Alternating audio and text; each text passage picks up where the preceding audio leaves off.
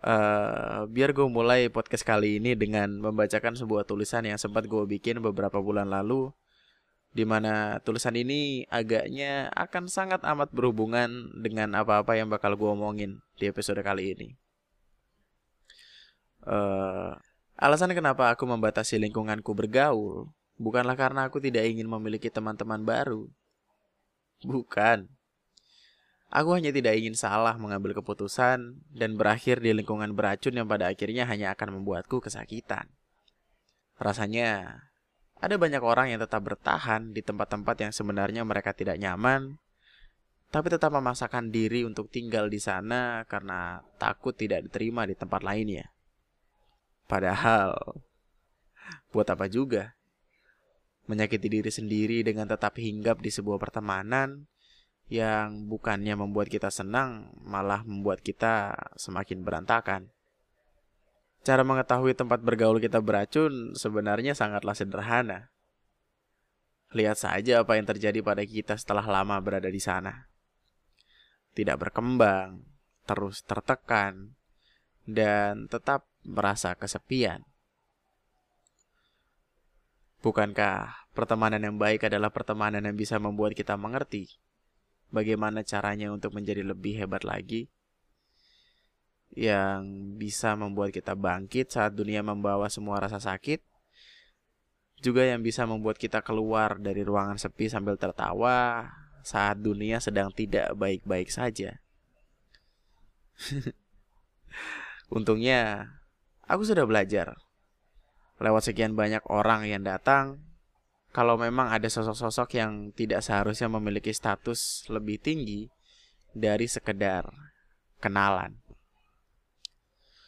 Rumus hidup yang kupercaya sekarang adalah berkenalan dan berbuat baiklah kepada siapa pun orangnya. Jangan membeda-bedakan kasta, warna, dan bahasa. Tapi pintar-pintarlah dalam memilah mana orang yang bisa kita jadikan sebagai kawan. Cukup bertemanlah dengan mereka yang rasanya pas untuk kita bawa sebagai bagian aksara dalam cerita kita di dunia. Ujian hidup semakin hari akan semakin bertambah. Dan teman adalah salah satu senjata paling utama untuk menemani kita melawan semua masalah yang datang dengan niat menghancurkan semuanya. Episode kali ini datang dari minggu keempat di bulan Mei 2019. Bahasannya adalah tentang pertemanan yang beracun Nama gue Andri, dan selamat datang di Lunatic Podcast.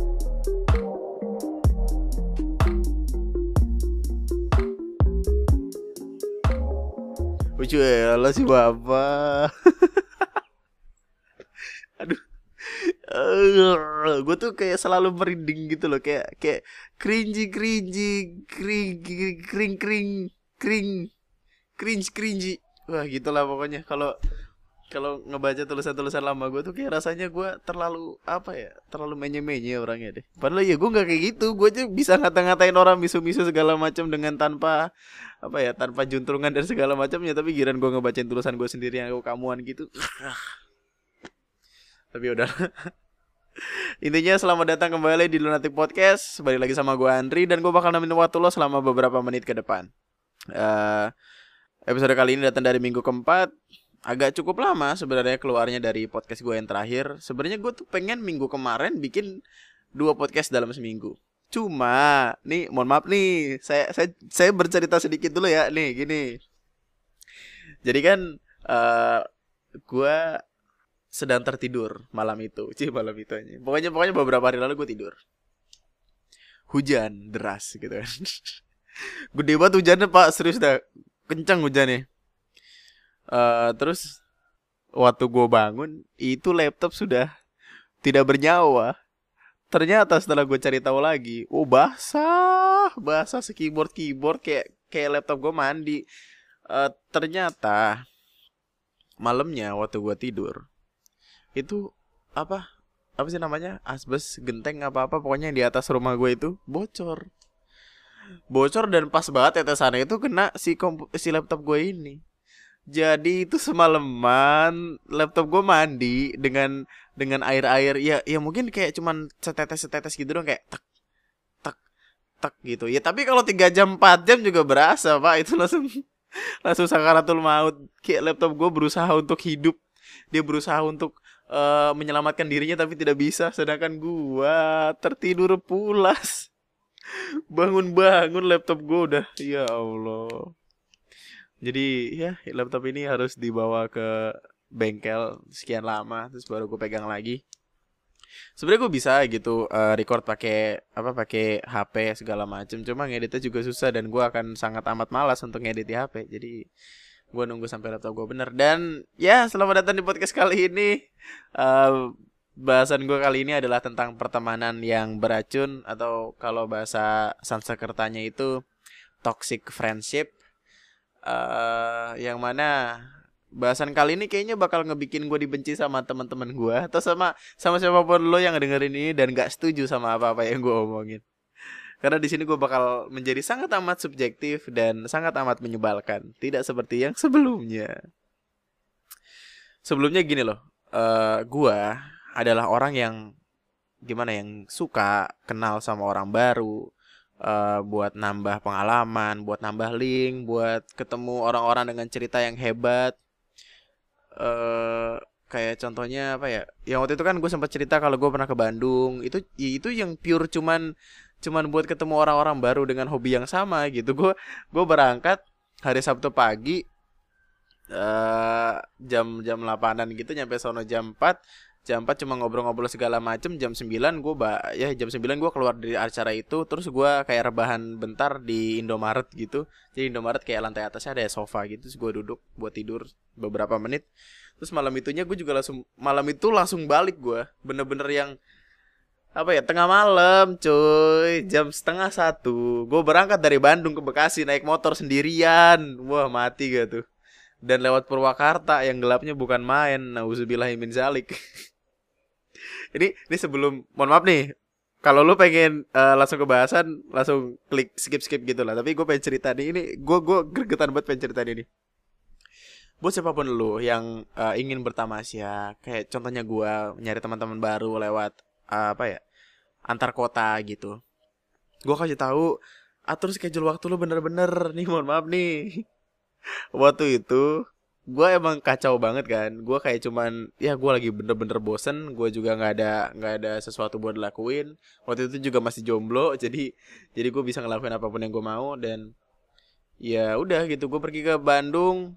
Dari Bandung uh, tengah malam naik motor kebut-kebutan. Gue straight di 70 sampai 80 km per jam naik motor cuy dengan jalanan yang kadang lurus, kadang belok-belok segala macem Purwakarta apalagi jalanannya gelap, belok-belok ngalor ngidul segala macem. Itu tuh gimana ya pikiran gue tuh kayak kayak bukan bukan takut sama setan, takut sama begal, cuy. Masalahnya setan kan nggak bisa ngebegal kita. Mohon maaf nih, nggak mungkin ada setan tiba-tiba ngeberin kita tengah jalan, kitanya turun dari motor, dia naik motor geber-geber, tidak mungkin dong. tidak mungkin. Tapi gue bener-bener takut sama begal gitu loh kayak pikiran gue sepanjang jalan tuh wah begal begal begal begal gitu. Takut takut takut gitu. Bener-bener sendirian di jalan dan kalau ngelihat ada orang dari belakang tuh ngebut gitu gue panik seketika bener-bener panik. Apalagi motor gue kan hitungannya kayak motor gede gitu kan dan iya emang keputusan yang buruk sih buat buat ngambil pilihan pulang jam segitu. Tapi namanya gue bener-bener gak tahu mau ngapain lagi di Bandung ya gue milih buat balik. Cuma ternyata itu membuat gue sangat amat apa ya merasa sadar akan kebegoan gue yang tidak terbatas ini.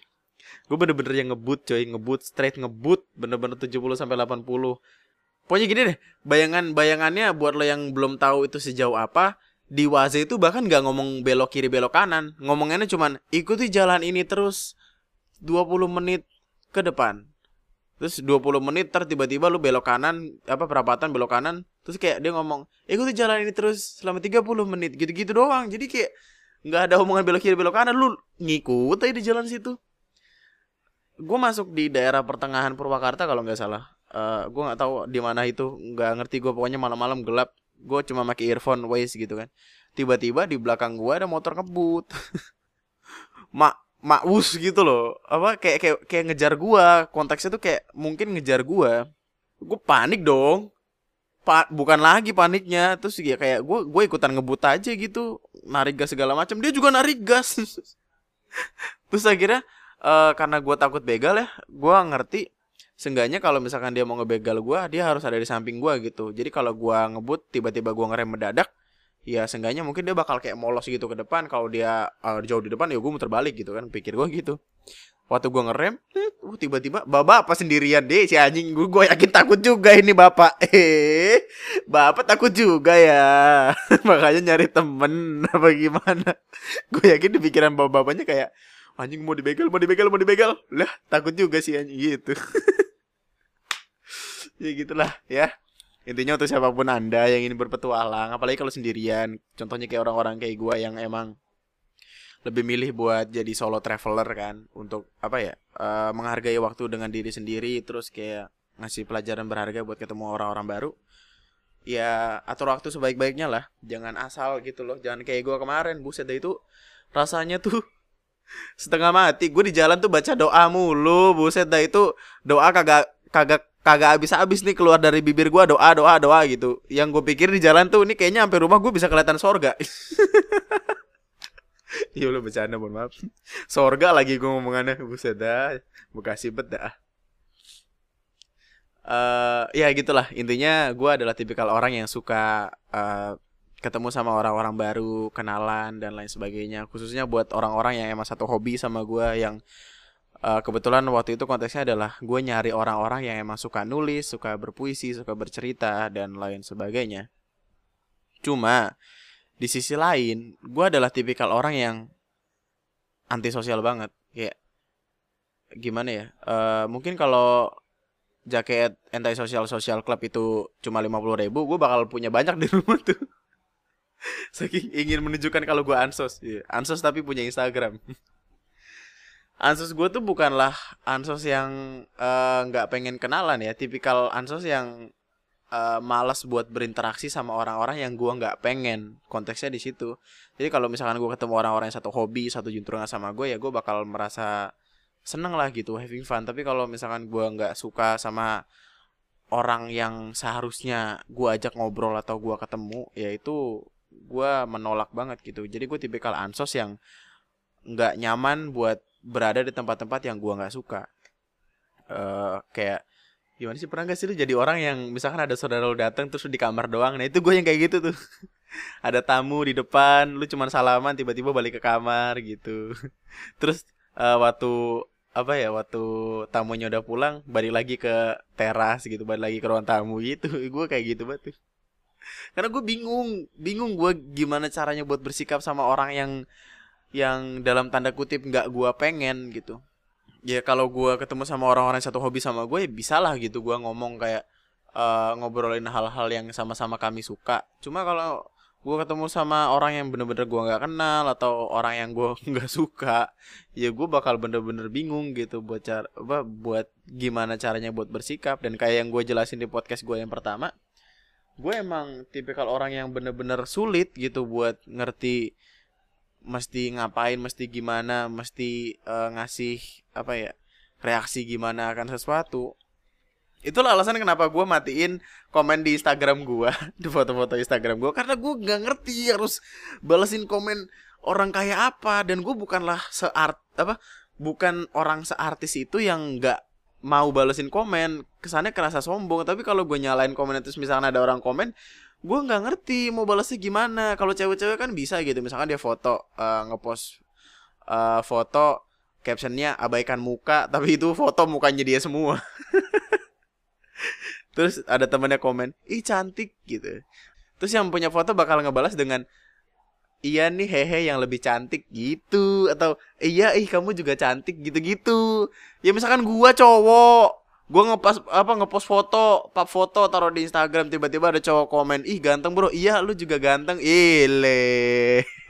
Saya masih masih lurus. Mohon maaf lah.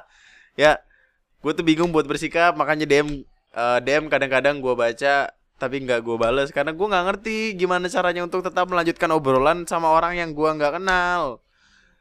Kalau misalkan lu nanya sama gue gitu misalkan lu DM lu nanya uh, kak equipment podcast apa-apa gitu bla bla bla ya gue jawab gitu tapi kalau misalnya lu uh, nge-DM gue konteksnya adalah untuk mengobrol, gue nggak bisa ngobrol dengan teks conversation sama orang yang gue nggak kenal. Maaf banget, tapi gue se-ansos itu kadang-kadang. Dan perihal masalah berteman ini, perihal masalah pertemanan ini, gue juga adalah tipikal orang yang apa ya bener-bener nyortir siapa-siapa aja yang cocok buat gue jadiin temen. Eh, sebelum sebelumnya gini deh, ada beberapa level relationship yang gue tahu ya. Yang yang gue yakini ada gitu. Yang yang selama ini gue jadikan sebagai pedoman gue hidup. Itu levelnya ada pertama kenalan. Cuma sebagai kenalan. Kedua temen. Ketiga sahabat. Baru keempat pacar gitu. Ya mungkin bisa istri keluarga gitu-gitu. Tapi uh, masalah relationship dalam hubungan konteks pertemanan ya gue pikir cuma itu gitu Dan coba bedakan dulu konteks dasarnya gitu. Kenalan, temen, sahabat, sama pacar itu kayak levelnya tuh masing-masing gitu loh. Gini deh, kita kita mulai dari yang kenalan deh.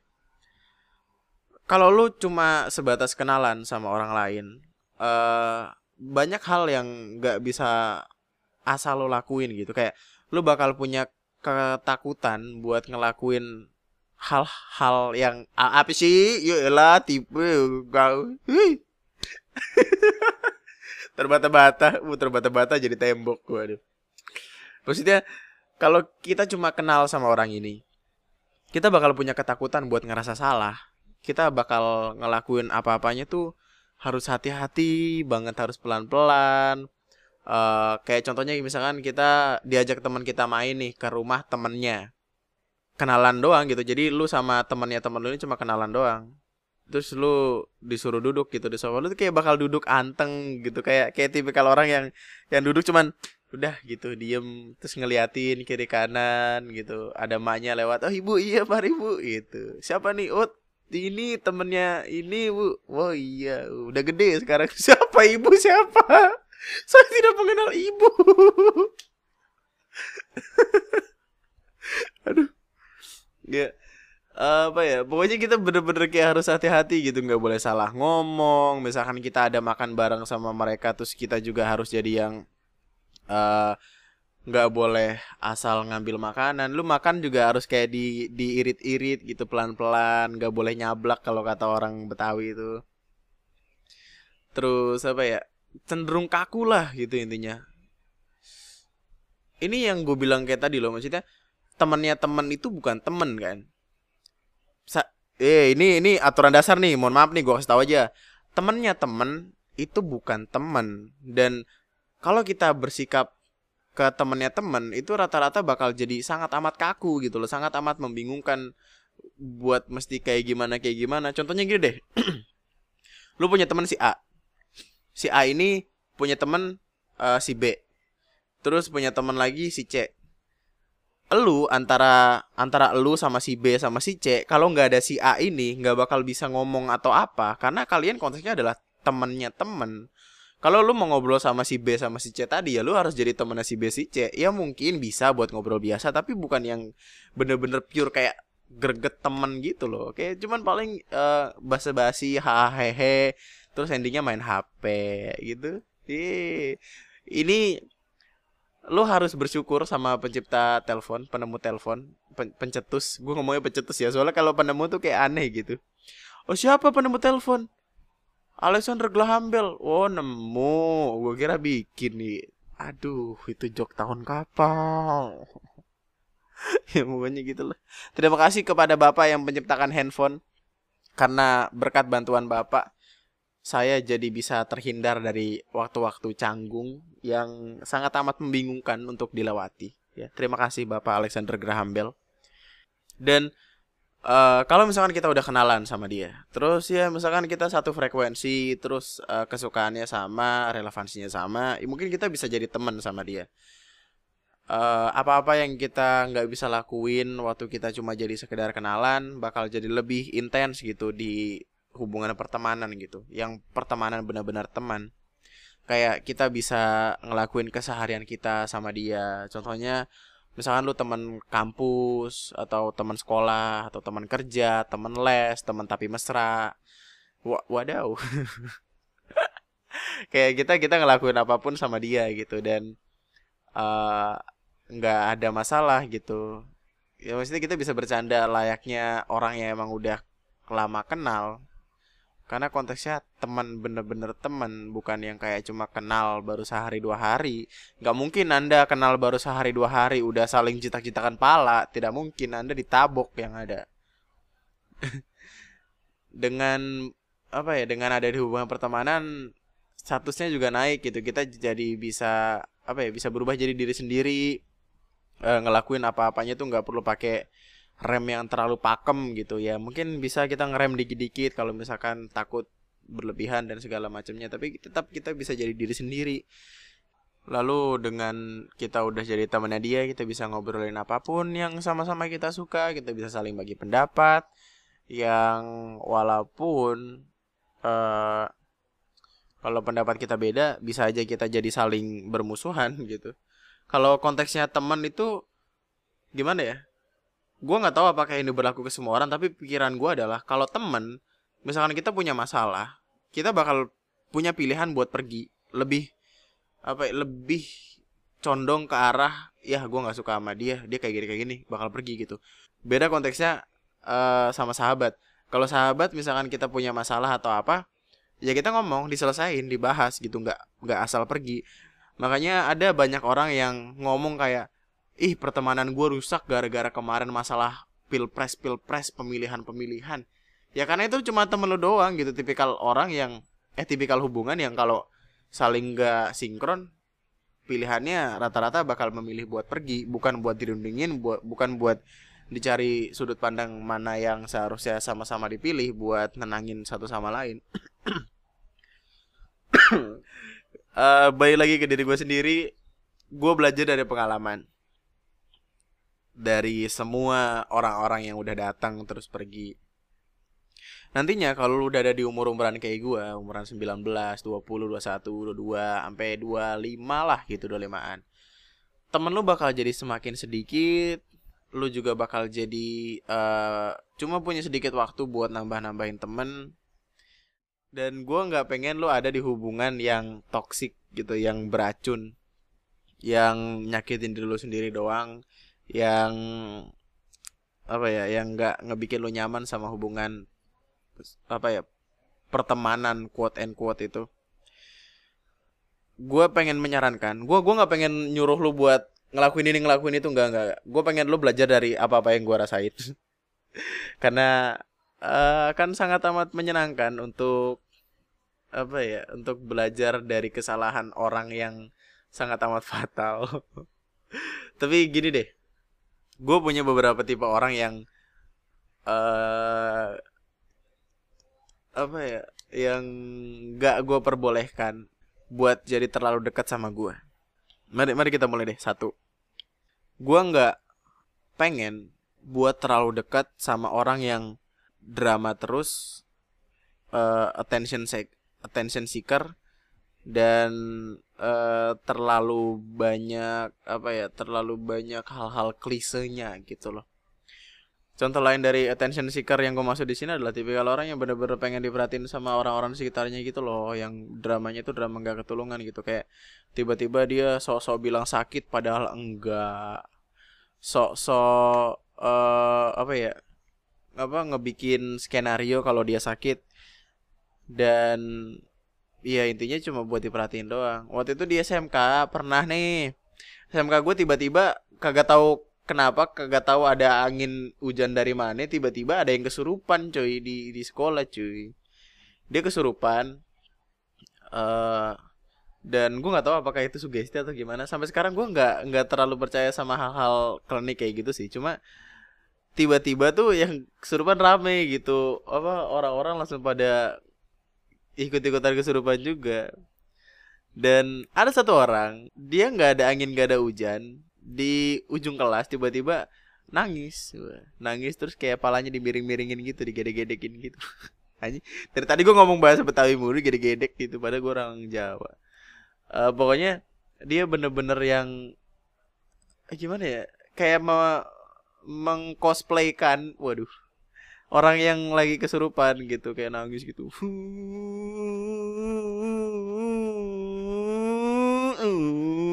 Gitu lah. Dia kayak bener-bener kayak orang kesurupan gitu. Dan itu dua tiga kali eh satu dua kali masih di respon sama teman-teman gue kan. Terus ya udah gitu. Setiap kali setiap kali di uh, kayak apa ya kayak disadari gitu loh sama orang-orang sama anak-anak kelas dia langsung gue nggak tahu mungkin dia merasa senang atau apa kan setelah dia ngelakuin itu biasanya langsung dibawa ke UKS terus kayak di go dibopong-bopong. Orang-orang merasa kayak merhatiin dia gitu. Waktu ketiga kalinya gue ngomong sama anak-anak kayak udah coba diemin aja lu diemin aja diemin aja diemin aja diemin aja gitu. Waktu dia melakukan adegan itu terus nggak ada yang respon sembuh sendiri anjir. Langsung sehat lagi. Langsung kayak nggak ada apa nggak ada nggak ada kenapa-napa. Tiba-tiba langsung nulis lagi di buku. Itu gue bingung loh. Langsung langsung kayak orang-orang pada teriak ya elah selama ini caper doang sih bang. Gitu langsung dihina-hina dan kalau orang-orang kayak gitu sangat amat gue jauhi. Bukan gue jauhi sih. Gue nggak membiarkan orang-orang kayak gitu untuk uh, terlalu dekat sama gue karena gue yakin gue pun akan kesulitan gitu dengan dengan berteman sama orang-orang kayak gitu. Kalau orang-orang yang selalu menuntut kita buat selalu ada padahal dia cuman apa ya bukan bukan siapa siapanya kita gitu loh. Apa capek nanti nantinya lu bakal capek sendiri dan gue menghindari hubungan terlalu dekat dengan orang-orang kayak gitu karena gue nggak pengen gue capek sama apa-apa yang nggak seharusnya gue pikirin I know gitu dia teman gue tapi kalau misalkan dia berlebihan sama uh, cara dia untuk diperhatikan ya itu juga bakal ngebikin gue jadi kesel sendiri dong. Ya dong. Tidak mungkin tidak kesal dong. Ya sekali dua kali oke okay lah it's fine gitu. Masih gue tolongin masih gue apa ya masih gue pupuk terus egonya gitu. Tapi kalau keseringan juga capek. Kesel sendiri yang ada. Ntar lu malah jadi nggak nggak ikhlas dan lu bakal uh, kepikiran yang aneh-aneh macem-macem gitu. Ih, enggak gitu. Makanya gue gue menghindari buat dekat sama orang-orang kayak gitu. Lalu uh, selanjutnya gue nggak bakal mencoba buat terlalu dekat sama orang-orang yang semuanya tentang dia. Yang egois yang uh, bosi yang ngebos gitu loh. Pernah nggak sih lo ketemu orang yang dia nyeritain semua tentang dia sampai lu nggak punya celah spot buat lu bercerita tentang diri lu sendiri pasti lu punya teman yang kayak uh, selalu pengen dikira hebat sama orang lain. Misalkan lo abis jatuh dari motor. Eh, eh, eh lu lagi di, di perkumpulan gitu kan. Maksud tiba-tiba eh gitu kan enggak. Di perkumpulan gitu sama teman-teman lu. Eh, eh, masa tadi gue jatuh deh, kaki gue lecet liatin, motor gue spionnya patah, eh, ban belakang gue jadi ban depan. Gitu. Tiba-tiba pasti ada satu orang, ah lu masih mending jatuh gitu. Ya apa sih bapak? Eh ah lu masih mending. Kemarin gue jatuh uh, motor gue salto salto abis salto dia backflip. Wah. Tiba-tiba ada satu lagi ah lu masih mending. Ya elah.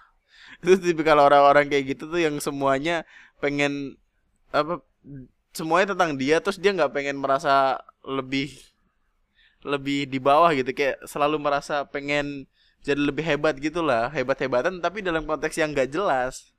Atau yang misalkan kita cerita eh kemarin gue habis pergi loh dari Bali. Tiba-tiba ada yang nyaut oh iya tahu gue juga waktu itu pernah pergi ke Bali. Waktu itu gue pergi sama teman-teman gue tuh yang si ini. Lu kenal gak sih si Bambang namanya? Si Bambang kan dia deket sama itu ya Purnomo. Nah wah gitu. Jadi dia cerita si anjing. Gue uh, gue nggak pengen mencoba untuk dekat sama orang-orang itu. Orang-orang tipikal orang-orang kayak gitu. Karena gue bukanlah tipikal orang yang bisa selalu mendengarkan orang lain. Ya gue tahu gue harus menjadi pendengar yang baik dan gue juga selalu berusaha buat jadi kayak gitu. Tapi ya tolonglah kasih gue celah gitu kasih gue sedikit apa ya sedikit bagian buat nyeritain apa-apa yang perlu gue ceritain. Karena gue juga butuh buat bercerita ke orang lain. Gue butuh buat seseorang nanggepin cerita gue dengan excited dengan dengan rasa kayak wah keren ya keren ya gitu. Nggak bukan main malah jadi saing-saingan kayak gitu. Woi kemarin gue beli motor dong. Motor gue murah harganya tiga ribu. Terus tiba-tiba temen lu woi kemarin gue beli motor lebih murah lagi seribu. Terus tiba-tiba eh, gue beli lebih gope gitu. Ya terus sampai satu perak sampai gratis. Ya, kalau kayak gitu terus nggak bakal nyaman. Karena rasanya kayak kita cuma jadi apa ya jadi bahan buat tinjunya dia gitu. Kayak samsaknya dia tapi dalam artian bukan buat ditinju buat diceritain terus menerus percaya gua nggak ada orang yang uh, cuma mau dirinya dijadiin sebagai tempat bercerita doang. Orang itu juga butuh buat bercerita ke lu. Jadi jangan egois dengan nganggep cerita lu paling hebat atau lu satu-satunya orang yang punya cerita lu satu-satunya orang yang punya sesuatu untuk dibanggakan jangan kayak gitu. Gue menghindari untuk dekat sama orang-orang kayak gitu karena itu bikin gue capek bikin gue males bikin gue apa ya nggak nggak merasa punya sesuatu. Setiap eh gimana gimana gue pengen uh, ngerasain punya sesuatu kalau gue cerita ke orang yang dalam tanda kutip gue anggap sebagai teman tiba-tiba dia kayak ngerasa punya apa-apa yang lebih dari gue ya itu kayak ngebikin gue sendiri jadi ngerasa rendah gitu loh. Jadi gue menghindari untuk dekat sama orang-orang kayak gitu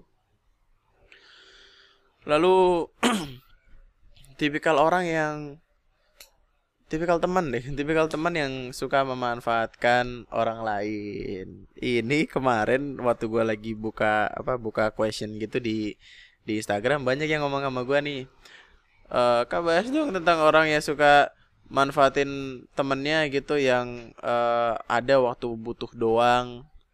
Yang walau waktu kita susah dia nggak ada tapi waktu waktu dia butuh dia tiba-tiba nongol uculuk uculuk uculuk datang gitu. Gue sangat amat menghindari orang-orang kayak gini karena kesannya uh, kami sama-sama apa ya sama-sama berbagi di senangnya doang. Padahal ya nggak gitu ceritanya lah. Kalau lu kalau lu bener-bener temen gue gitu lu harus ngerti gimana caranya ngetrit satu sama lain supaya nggak kesannya sama-sama saling butuh doang contoh sederhananya kayak gini deh. Misalkan lu bisa ngelakuin sesuatu. Tiba-tiba uh, ada seorang temen datang ke lu buat ngelakuin apa yang lu bisa terus habis itu ya lu dilupain aja gitu. Dan gak cuma dilupain sebaliknya lu minta tolong ke dia tapi dia nggak bisa gitu. Walaupun lu tahu dia bisa. Contohnya gini deh. Gua bisa install ulang laptop. Uh, gua kenal seorang temen. Dia uh, apa ya minta tolong lah gitu minta tolong Andri boleh minta install ulangin laptop gua nggak? gitu gitu itu tuh gua yang sampai diminta buat datang ke rumahnya. Enggak, gua gua nggak nggak nggak nggak minta bayaran atau apa dan kalau dibayar pun gua nggak mau gitu karena gua selalu nolak kalau kayak gitu.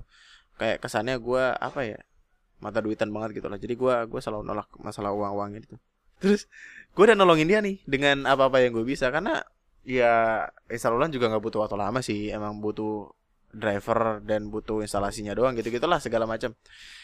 Tapi permasalahannya adalah gue nggak mau menafik dengan gue nggak pengen berekspektasi tentang dia gitu. Karena uh, taruhlah gue udah ngebantu dia mungkin lo ada itikat baik buat ngebantu gue kalau gue butuh sesuatu yang lo bisa. Waktu itu orang yang udah gue bantuin ini tiba-tiba gue butuh bantuannya gitu buat ngelakuin satu dan lain hal gue yakin dia bisa. Dan di antara teman-teman gue dia doang yang bisa. Otomatis gue minta dia minta tolong gitu. Tapi dia ada aja alasannya cuy. Selalu ada aja alasannya.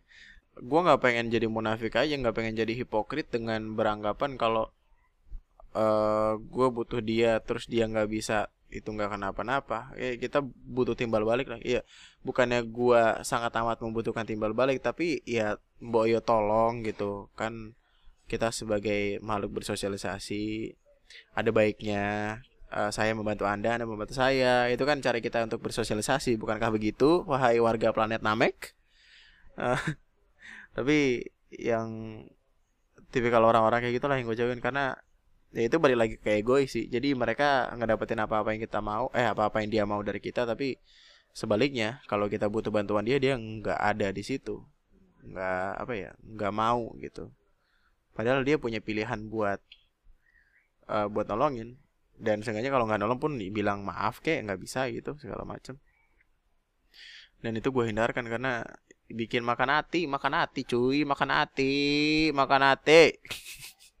Berapa kali tuh gue bilang uh, jadi kayak kita dia butuh kita kita ada tapi kita butuh dia dianya hilang gila. Apalagi tipikal temen yang uh, apa ya yang kita ketemu setiap kali main sama kita gitu ngobrol sama kita megang HP mulu tapi giran di chat balasnya lama bener bahkan kagak bales itu tipikal orang-orang kayak gitu tuh yang menyebalkan buat dikenal tuh gua kurang respect lah kurang respect. Ini lagi ngok setiap kali main setiap kali main nongkrong segala macam HP dipegang sama dia cecetan mulu. Kayak seolah-olah nggak apa ya nggak nyaman sama pertemanan sendiri tapi dia ngobrol santai gitu segala macam dan dia megang HP tapi giran di chat nggak dibales ya elah sombongnya bapak belum jadi artis saya udah sombong gimana bapak jadi artis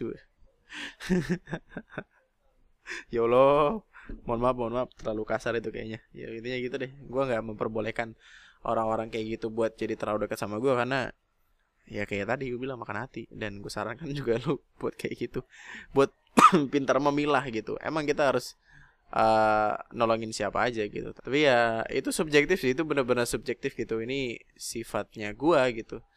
Gue emang bisa ngebantu orang tanpa bener-bener berharap tapi berharap timbal balik bisa. Cuma gue tuh apa ya akan sangat amat menyebalkan gitu akan sangat amat sebel. Makanya rasa makan hati itu bakal jadi bakal jadi berubah jadi dendam gitu jadi kesel banget dan gue nggak pengen ngebikin diri gue hidup dengan perasaan kayak gitu. Dengan landasan cuma berdasarkan dalam tanda kutip bantuan gitu. Dimanfaatkan lah intinya. Gue nggak pengen dimanfaatin sama orang lain itu aja. Wih bagus tuh. Atau tadi tadi gue ngomong kayak gitu aja nggak pengen dimanfaatin gitu. Eh muter-muter doang si bapak. Aduh capek Lalu, eh, gue juga nggak ah ya nggak nggak bisa berteman terlalu dekat dengan orang-orang yang bermuka dua gitu loh. Tapi kalau orang-orang yang kalau sama ini ngomongnya A, kalau yang ini ah, kalau sama ini ngomongnya B. Eh hari ini hari ini lu cakep banget deh lu lu kayak merayah carry lu kayak eh uh, uh, siapa tuh cewek sih siapa yang cakep sih Kylie jedar jedar Jenner ya itulah. Lu cakep banget kayak kayak si ini. Tiba-tiba ngomong sama temannya satu ih dia apaan sih? Gayanya gitu ih. Masa makeupnya lipstick semua? Maskara pakai lipstick anjir. Pakai pensil halus pakai lipstick semua mukanya merah kayak baru tancol. Itu tipikal kayak gitu tuh uh, tipikal orang yang bisa nusuk lu dari belakang. Di kayak apa ya backstabbing gitulah nantinya tuh. Makanya uh, jangan kasih celah untuk orang-orang kayak gitu ada di dekat lo gue juga menghindari perkumpulan teman-teman yang misalkan waktu kita lagi ngumpul ngegibahin orang lain karena waktu kita nggak ikut perkumpulan itu ya otomatis kita yang bakal digibahin. Jadi timbal baliknya ada. Makanya pilih orang-orang yang mungkin individual atau kelompok tapi kelompoknya yang bisa dipercaya gitu yang nggak bermuka dua yang yang apa ya yang kalau ada kita tuh dihina-hina terus nggak ada masalah. Eh, bukan dihina dalam artian jelek lu bego lu bukan gitu apa ya? Kayak apa sih kalau kita udah bener-bener teman kan kita ngatainnya sans saja kan.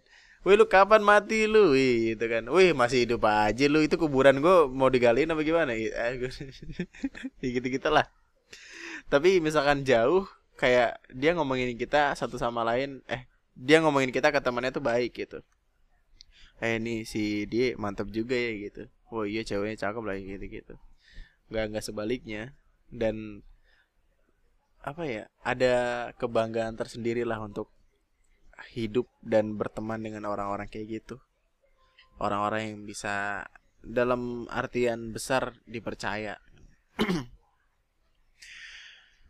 Lalu yang selanjutnya yang sangat amat gua hindari adalah tipikal orang yang yang apa ya? Yang menggunakan kata baper sebagai tameng buat dia bisa ngatain orang seenaknya, ngehina orang seenaknya, memperlakukan orang seenaknya. Sebelum ada kata baper tuh kayaknya semuanya ya nggak nggak sekacau sekarang gitu. Kalau kita bikin salah, kita minta maaf. Nggak yang kita bikin salah terus kita ngomong eh gitu aja baper. Nggak nggak nggak. Gua ngebaca sebuah uh, apa ya tweet dari Twitter. Asmenfest dia kan biasanya anon gitu kan anonim. Uh, gini gue gue ceritain gue bacain pelan pelan jadi kemarin gue bukber sama teman-teman gue. Singkat cerita HP gue dipinjem sama beberapa orang teman gue untuk buka IG iya IG orang-orang itu login di HP gue dan IG gue pribadi di log out sama mereka ini kesalahan pertama bangsa temen lo Nah gue, nah gue kan lagi ngurusin pembayaran kan, jadi gue pergilah ke kasir. Pas balik dari kasir, temen gue itu pada sibuk mau foto. Gue tanya dong HP gue mana, dan mereka jawabnya nggak tahu. Ini si bangsa dua. Terus gue bilang, lah kan tadi kalian pakai. Terus mereka yang login pakai HP gue, nggak ada yang mau gerak buat nyari, malah pada sibuk foto. Dan ternyata HP gue ada di kolong meja dalam keadaan lowbat basah dan banyak panggilan tak terjawab dari ayah gue. Pas gue tanya kok nggak bilang ada telepon masuk, mereka jawabnya dari tadi tuh gue lagi bikin instastory sampai kejeda gara-gara bokap telepon terus mau bilang tapi lo nya lagi mau ke kasir. terus gue agak ngegas gitu. Eh malah pada ketawa terus bilang bentar lagi alasan bentar lagi alasannya PMS nih. Cie PMS ya lu gitu tipikal orang-orang kayak gini lah yang sangat amat ku jauhi gitu loh kayak mereka sibuk dengan apa-apa yang membuat mereka senang sampai akhirnya ngejatuhin orang lain harkat dan martabat orang lain terus bersembunyi di balik tameng. Ya elah gitu aja baper. Cie lagi PMS ya marah-marah mulu. Ah gitu aja lu sensi amat jadi orang. Gue sangat amat menjauhi orang-orang kayak gitu karena apa ya orang-orang kayak gitu pasti nggak bisa ngehargain orang lain. Orang-orang kayak gitu uh, bukan tipikal orang yang cocok buat gue sih. Gue nggak tahu apakah dia akan cocok sama lu atau gimana tapi buat gue pribadi itu sama sekali nggak cocok buat gue nggak bisa lah gue temenan sama orang-orang kayak gitu karena di suatu waktu pasti kalau mereka ngehina orang lain ya mereka bakal ada kesempatan buat ngehina juga ngehina gue juga dan memperlakukan gue kayak gitu. Dalam artian gue nantinya bakal nggak dihargain juga dan daripada gue ada di hubungan sesampah itu mending gue nggak masuk sama sekali ke hubungan-hubungan kayak gitu. Dan ya kalau lu mungkin ngerasa punya teman yang kayak gitu kalau lu ngerasa klop sama dia ya udah terserah lo tapi saran gue yang paling baik adalah untuk apa lu berteman sama orang-orang yang nggak bisa ngehargain lu? Percaya gue nanti juga lu udah udah lebih tua lu udah makin gak peduli sama teman-teman lo itu dan apalagi orang-orang yang dalam tanda kutip lu benci karena sifatnya itu. Aduh jadi kayak unek-unek semua orang deh kayak semua hampir setiap umat pernah merasakan gitu. Biasanya orang-orang kayak gitu tuh orang-orang yang superior gitu yang merasa dirinya superior gitu. Pernah gak sih lu kayak uh, ngeliat atau ngerasa deh ngerasa di sebuah perkumpulan cewek-cewek ini biasanya ada satu orang yang bosnya gitu. Ada satu orang yang merasa kalau dia adalah puncak dari segalanya yang semua keputusan dia yang ambil semua uh, cerita dikasihnya ke dia gitu-gitu. Terus dia kan bakal jadi kayak bosi gitu loh menganggap semua orang rendah di matanya. Dan itu bukanlah teman yang baik buat gua sih ya buat gua pribadi cuma nggak banget lah gimana ya orang-orang kayak gini tuh kadang-kadang bisa menghasut gitu loh. Menghasutnya itu menghasut yang nggak bener kayak apa ya uh, membawa lu buat membenci teman lu yang lain gitu contohnya. Misalkan lu punya sebuah grup nih. Uh, di grup itu ada satu orang yang bener-bener nggak suka sama lo. Nanti dia bakal ngajakin teman-teman lo yang lain buat bikin grup baru buat ngebikin grup baru buat ngegibain lu. Kalau lu merasa lu nggak punya teman-teman yang kayak gitu ya lu nggak sadar aja soalnya lu yang lagi digibahin. Jadi dia bikin grup dalam grup buat ngomongin lu. Aduh. Uh, itu aneh banget sih orang-orang kayak gitu. Ya, gitulah mungkin ya itu aja lah. Beberapa hal beberapa orang yang gua uh, gue pribadi nggak akan membiarkan mereka untuk jadi lebih dekat dari sekedar kenalan. Mungkin gue bakal nganggap mereka ya cuman kenalan doang kayak gitu. Kita sama-sama kenal tapi ya nggak nggak sebagai teman banget gitu. Karena tipe kalau orang-orang yang gue sebutkan kayak tadi bakal ngebikin gue jadi nggak nyaman sama hidup gue sendiri dan capek dan apa ya yang paling penting tuh ngebikin kita jadi nggak ngerasa hidup. Ngerasanya tertekan terus ngerasanya kayak uh, kita yang selalu ada di bawah ngerasa kita yang selalu paling rendah ya padahal nggak juga gitu. Padahal emang lingkungan kitanya aja yang salah. Dan gue nggak nggak membiarkan orang-orang itu masuk ke kehidupan gue supaya gue nggak ada di lingkungan itu dan gue nggak nyakitin diri gue sendiri lewat hal-hal yang seharusnya bisa gue hindari dari awal. Hmm. Maka gue pikir itu aja cukup untuk bacotan gue kali ini.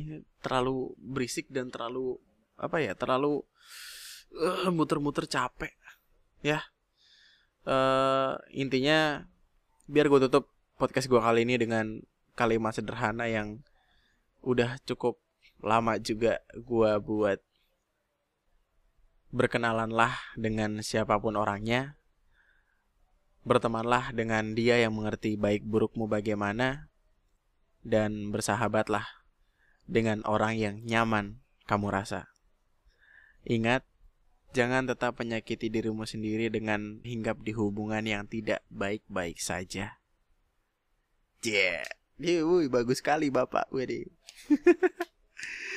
Oke itu aja intinya buat podcast gue kali ini. Sampai jumpa di podcast gue selanjutnya. Tetaplah bahagia, Tetaplah semangat sahurnya bentar lagi lebaran. Ingatlah buat berbuka pakai yang punya sendiri karena yang manis biasanya gebetannya banyak. Nama gue Andri. Sekian dan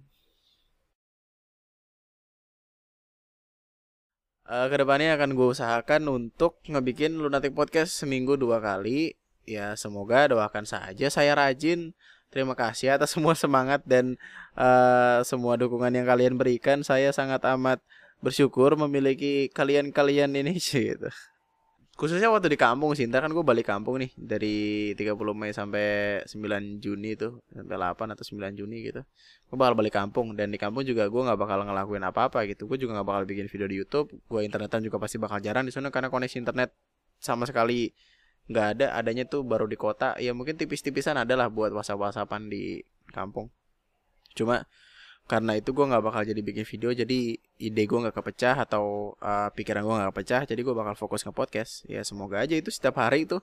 Dari tanggal 30 sampai tanggal 9 gue bikin satu episode per hari. Ya semoga ya berdoa yang banyak ya mudah-mudahan. Amin. Ya elah sampai jumpa di podcast gue selanjutnya. I love you so much. Gue ngomong apa sih? Aduh capek aing